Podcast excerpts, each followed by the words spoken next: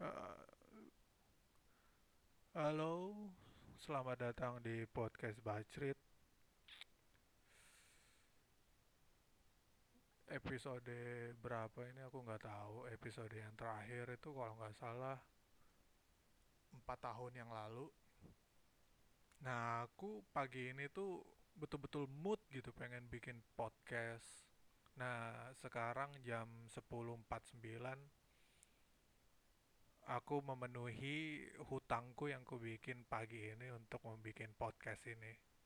Nah, episode kali ini itu judulnya Kawan. Kenapa aku pengen bahas kawan?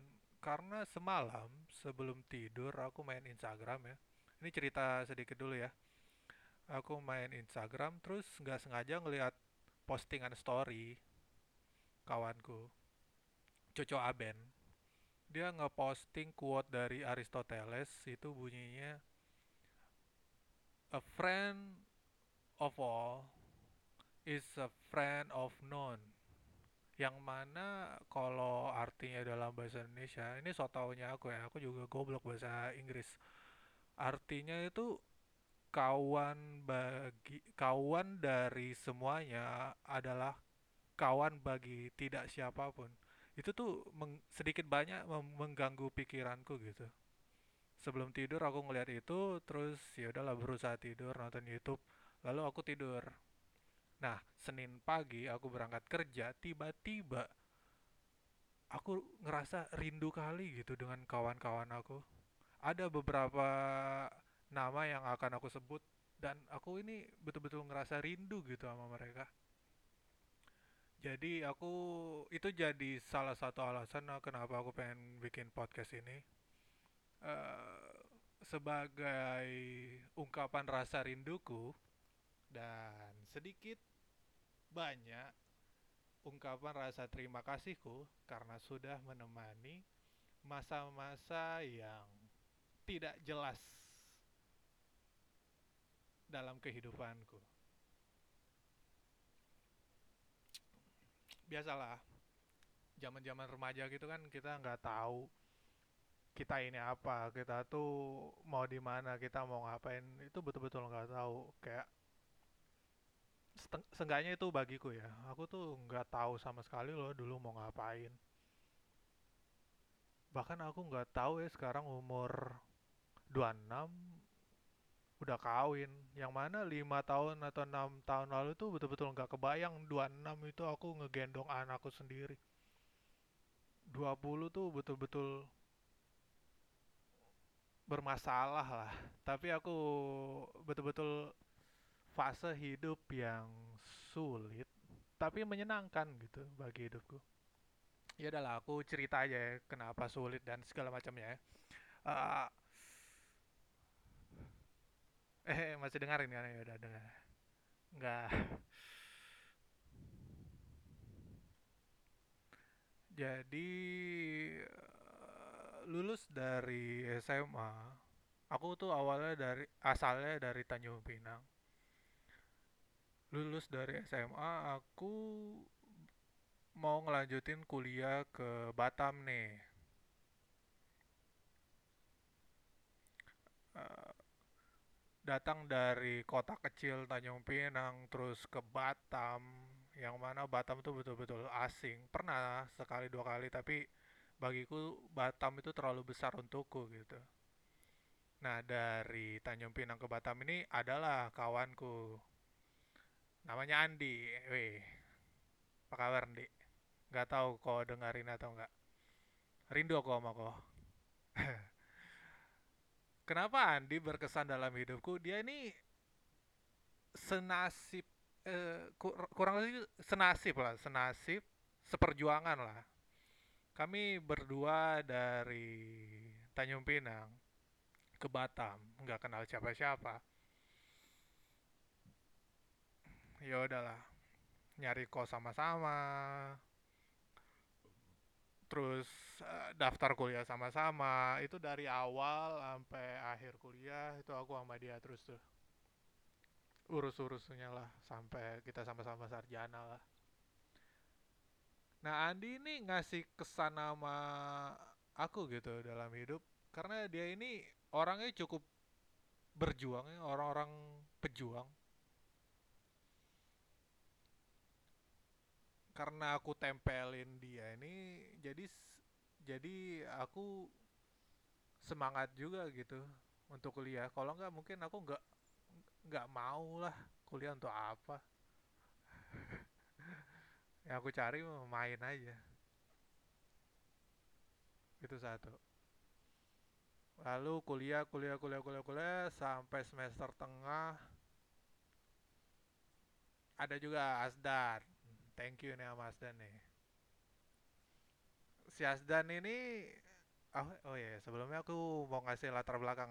Aku tuh orangnya pemalu jadi kawanku sedikit. Susah gitu aku misalkan tertarik sama orang aku susah untuk maju gitu. Nah trikku adalah mendekati alfa-alfa dalam suatu tongkrongan. Supaya jadi bridging gitu antara aku dan orang-orang lainnya. Jadi kawanku bisa banyak karena aku dekat dengan si alfa ini. Nah si Asdan ini adalah si alfanya gitu. Itu aja sih. Thank you Dene. Karena Asdan aku jadi bisa kenal berkawan lah sama kawan-kawan yang lain. Thank you Dan. Nah zaman-zaman kuliah tuh aku mulai ganti kawan lagi tuh. Namanya uh, oh ya yeah. zaman kuliah aku mulai bosan dengan tongkrongan yang itu-itu aja aku pengen hal yang baru aku ketemu satu anak aneh di lorong kampus dia mukanya kayak jangki gitu Oke, kayak jangki dia duduk kayak nggak punya temen lah, sendirian. Entah kenapa itu menarik bagiku tuh, jadi aku dekatin lah.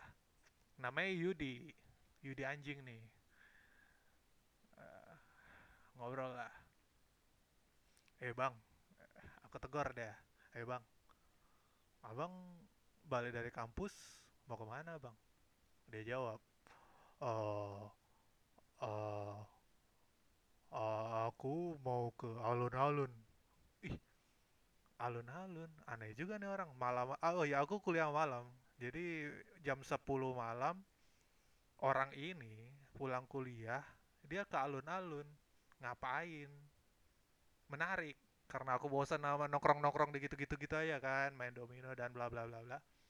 Ya udah aku nongkrong sama dia aku ngomong sama dia bang boleh gabung nggak bang terus dia jawab boleh ya udahlah cabut eh balik dari kampus aku jalan sama dia ke alun-alun Batam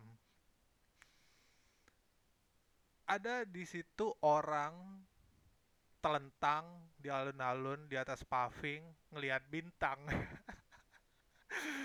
Itu namanya Javier Javier dia ngapain kok lihat bintang goblok? Ya udahlah. Mulai dari situ aku mulai intens tuh sama Yudi Javier.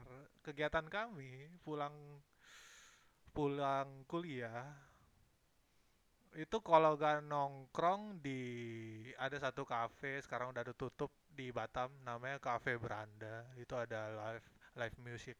Eh live music live live musik live musik ngopi lah di situ ngobrol-ngobrol sampai jam 1 jam 2 terus aku pulang lagi ke kos. Itu ada setahun dua tahun sampai mungkin satu tahun sebelum lulus aku kayak gitu terus tuh sama dua orang itu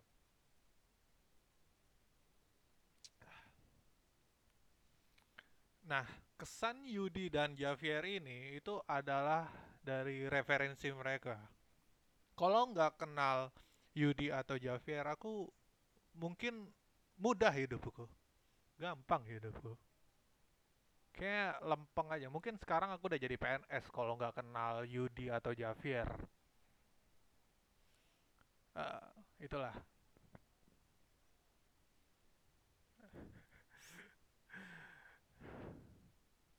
Nah, referensi yang eh ya, referensi yang ku dapat dari mereka ini itu tuh standar sebenarnya. Kayak film, musik, film sih, film yang paling berkesan sih. Karena bergaul sama mereka, aku jadi nonton Fight Club.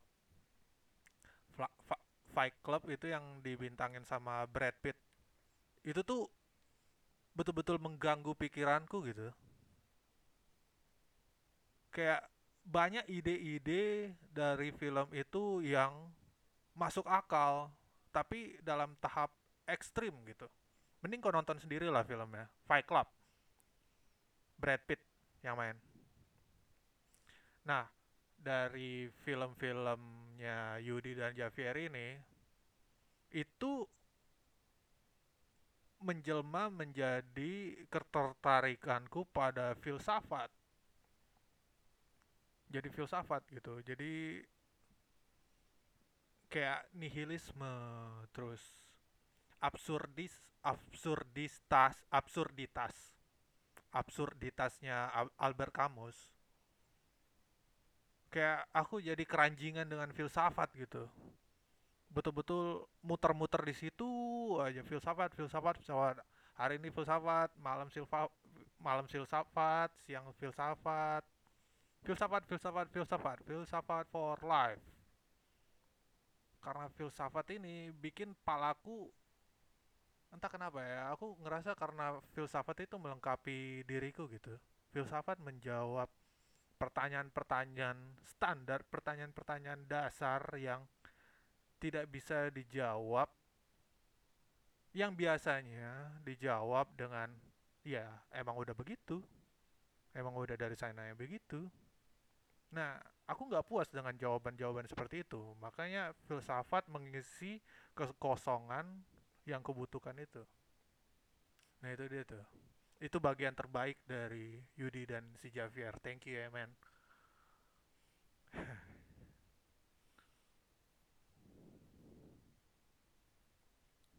Eh, Andi, Yudi, Andi, Yudi. Oh ya, terus aku kerjalah di salah satu biro arsitek di Batam. Terus aku sekalian nginap di situ. Ada kawan kamarku namanya Gary. Halo Pak. Otakku diisi sama filsafat-filsafat itu kan. Jadi aku pengen ngobrol gitu. Nah, karena si Gary inilah filsafat-filsafat itu nggak jadi melumatku gitu. Karena si Gary ini punya jawaban yang lebih masuk akal dari filsafat itu sendiri. Ngerti nggak maksudnya? Jadi kayak ketika aku cerita sama dia, ketika aku cerita sama dia gitu, eh kenapa ya Pak ini begini, ini begitu, ini begini. Terus dia jawab dengan gampang gitu. Eh, emang udah begitu. Eh, gini aja gini, terus begitu. Ngerti nggak maksudnya? Kayak misalkan, kenapa sih Pak harus ada surga dan neraka? Ya emang harus ada. Kalau enggak, kayak gimana orang yang jahat itu dihukumnya? Nah itu jawaban ala-ala Gary itu. Jawaban yang bagus sebenarnya. Karena kalau nggak ada jawaban-jawaban kayak gitu, itu tuh bikin kalau nggak ada jawaban-jawaban kayak gitu, aku tuh bakal tenggelam sama pikiran sendiri gitu. Bakalan krisis eksistensi kayaknya. Mungkin mungkin bundir, mungkin case terburuknya itulah karena si Gary inilah mungkin. Oke, lanjut. Aku juga kangen sama oh ini dia nih kawan terbaik awak. Lulus kuliah, aku balik lagi ke Tanjung Pinang, aku kerja di Lagoy dan bla bla bla bla bla. Aku ngekos sama orang namanya Taro. Taro ini dia itu junkie, alkoholik, gak punya agama. Dia itu satu hari nggak bisa nggak bisa dia nggak bisa ngelewatin satu hari tanpa teler. Jadi harus teler setiap harinya. Itu Taro. Aku tuh kangen kali sama dia ya. karena entah kenapa ya karena dia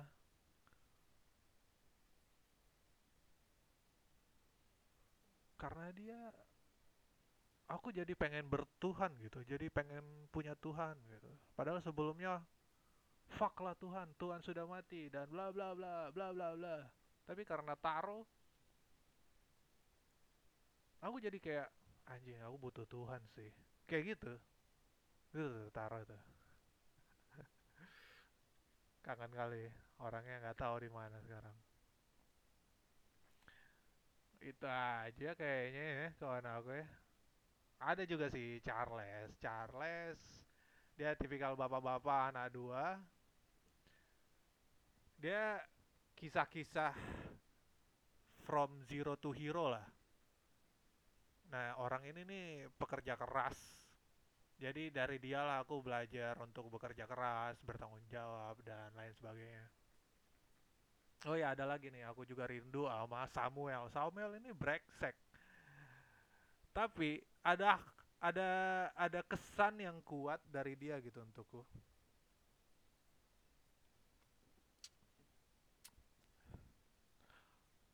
Eh, ada kesan yang kuat yaitu aku masih ingat kata-kata dia ya. Pernah ngobrol lah kami mungkin dalam keadaan mabuk juga gitu. Ngobrol sama dia, aku tuh sebenarnya eh aku tuh kayak pelaut di air yang tenang gitu. Sampai-sampai aku bosan. Yang mana kayaknya jangan-jangan bener lagi. Itu aku mikirnya kayak gitu jangan-jangan si Samuel bener lagi. Soalnya masalah terbesarku tuh kebosanan sih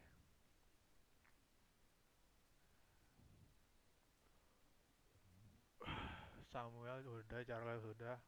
Pokoknya itulah ya, aku rindu sama ada Gary, ada Yudi, ada Javier, ada Taro, ada Asdan, ada Samuel, ada Andi, ada Charles. Aku rindu sama kalian semua, men. Dan thank you juga udah nemanin aku di masa-masa yang kelam. Gimana kabar kalian? Sehat-sehat kan? Gak tau lah kalian dengerin atau tidak. Oke, thank you ya. Oh ya, aku mau ngasih tahu ya ciri-ciri kawan yang paten yang harus kalian pelihara. Ini menurut aku. Oke. Yang pertama, ini satu nih. Kawan yang baik adalah kawan yang tai-tain kok gitu. Ka kayak kawan yang yang nain-nain kok tuh enak aja gitu di mulutnya gitu. Kayak misalkan, aku kasih contoh.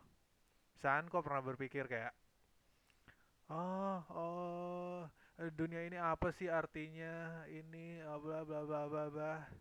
Terus kawanku tuh langsung jawab apa sih kok? Kok kayaknya kurang ngocok lah. Kayak gitu. Ah itu kalau kawan kok kayak gitu pelihara. Itu tuh bagus tuh nah kawan-kawan eh ciri yang kedua kawan yang tai-tain kok tapi dia nggak full of himself gitu. Maksudnya kayak misalkan kau ngomong sesuatu gitu eh uh, bapak aku kayak tai. Terus dia jawab ah tai kok baru segitu aja. Bapak aku lebih tai ah itu jangan itu jangan tuh tinggalin aja. Itu full of himself. Eh kok ngomong sendiri sih eh lah. Yang ketiga sebenarnya kawan yang baik itu kawan yang jujur sih. Kawan yang pedes lebih terutama sih. Kawan yang belak belakan maksud aku yang ketika kau kayak tai ya kau dibilang kayak tai gitu.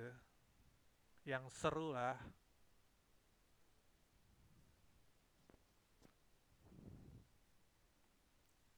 pokoknya kalau kau punya kawan kayak gitu kau tempelin aja. Tapi gak usah kau sayang sayang biasa aja gitu. Hidup lah. Pokoknya pelihara aja lah kalau kau ada kawan yang kayak gitu. Ah. Itu dia. Apalagi ya? Kayak itu aja. Pokoknya intinya aku cuman pengen bilang aku rindu sama orang-orang itu aja sih. Dan semoga kehidupan kalian makin bagus ya. Bye-bye aja kalian sekeluarga lah. Oke lah itu itu aja. Itu udah eh, cerita udah. Thank you thank you ciri-ciri ada lagi nggak ya?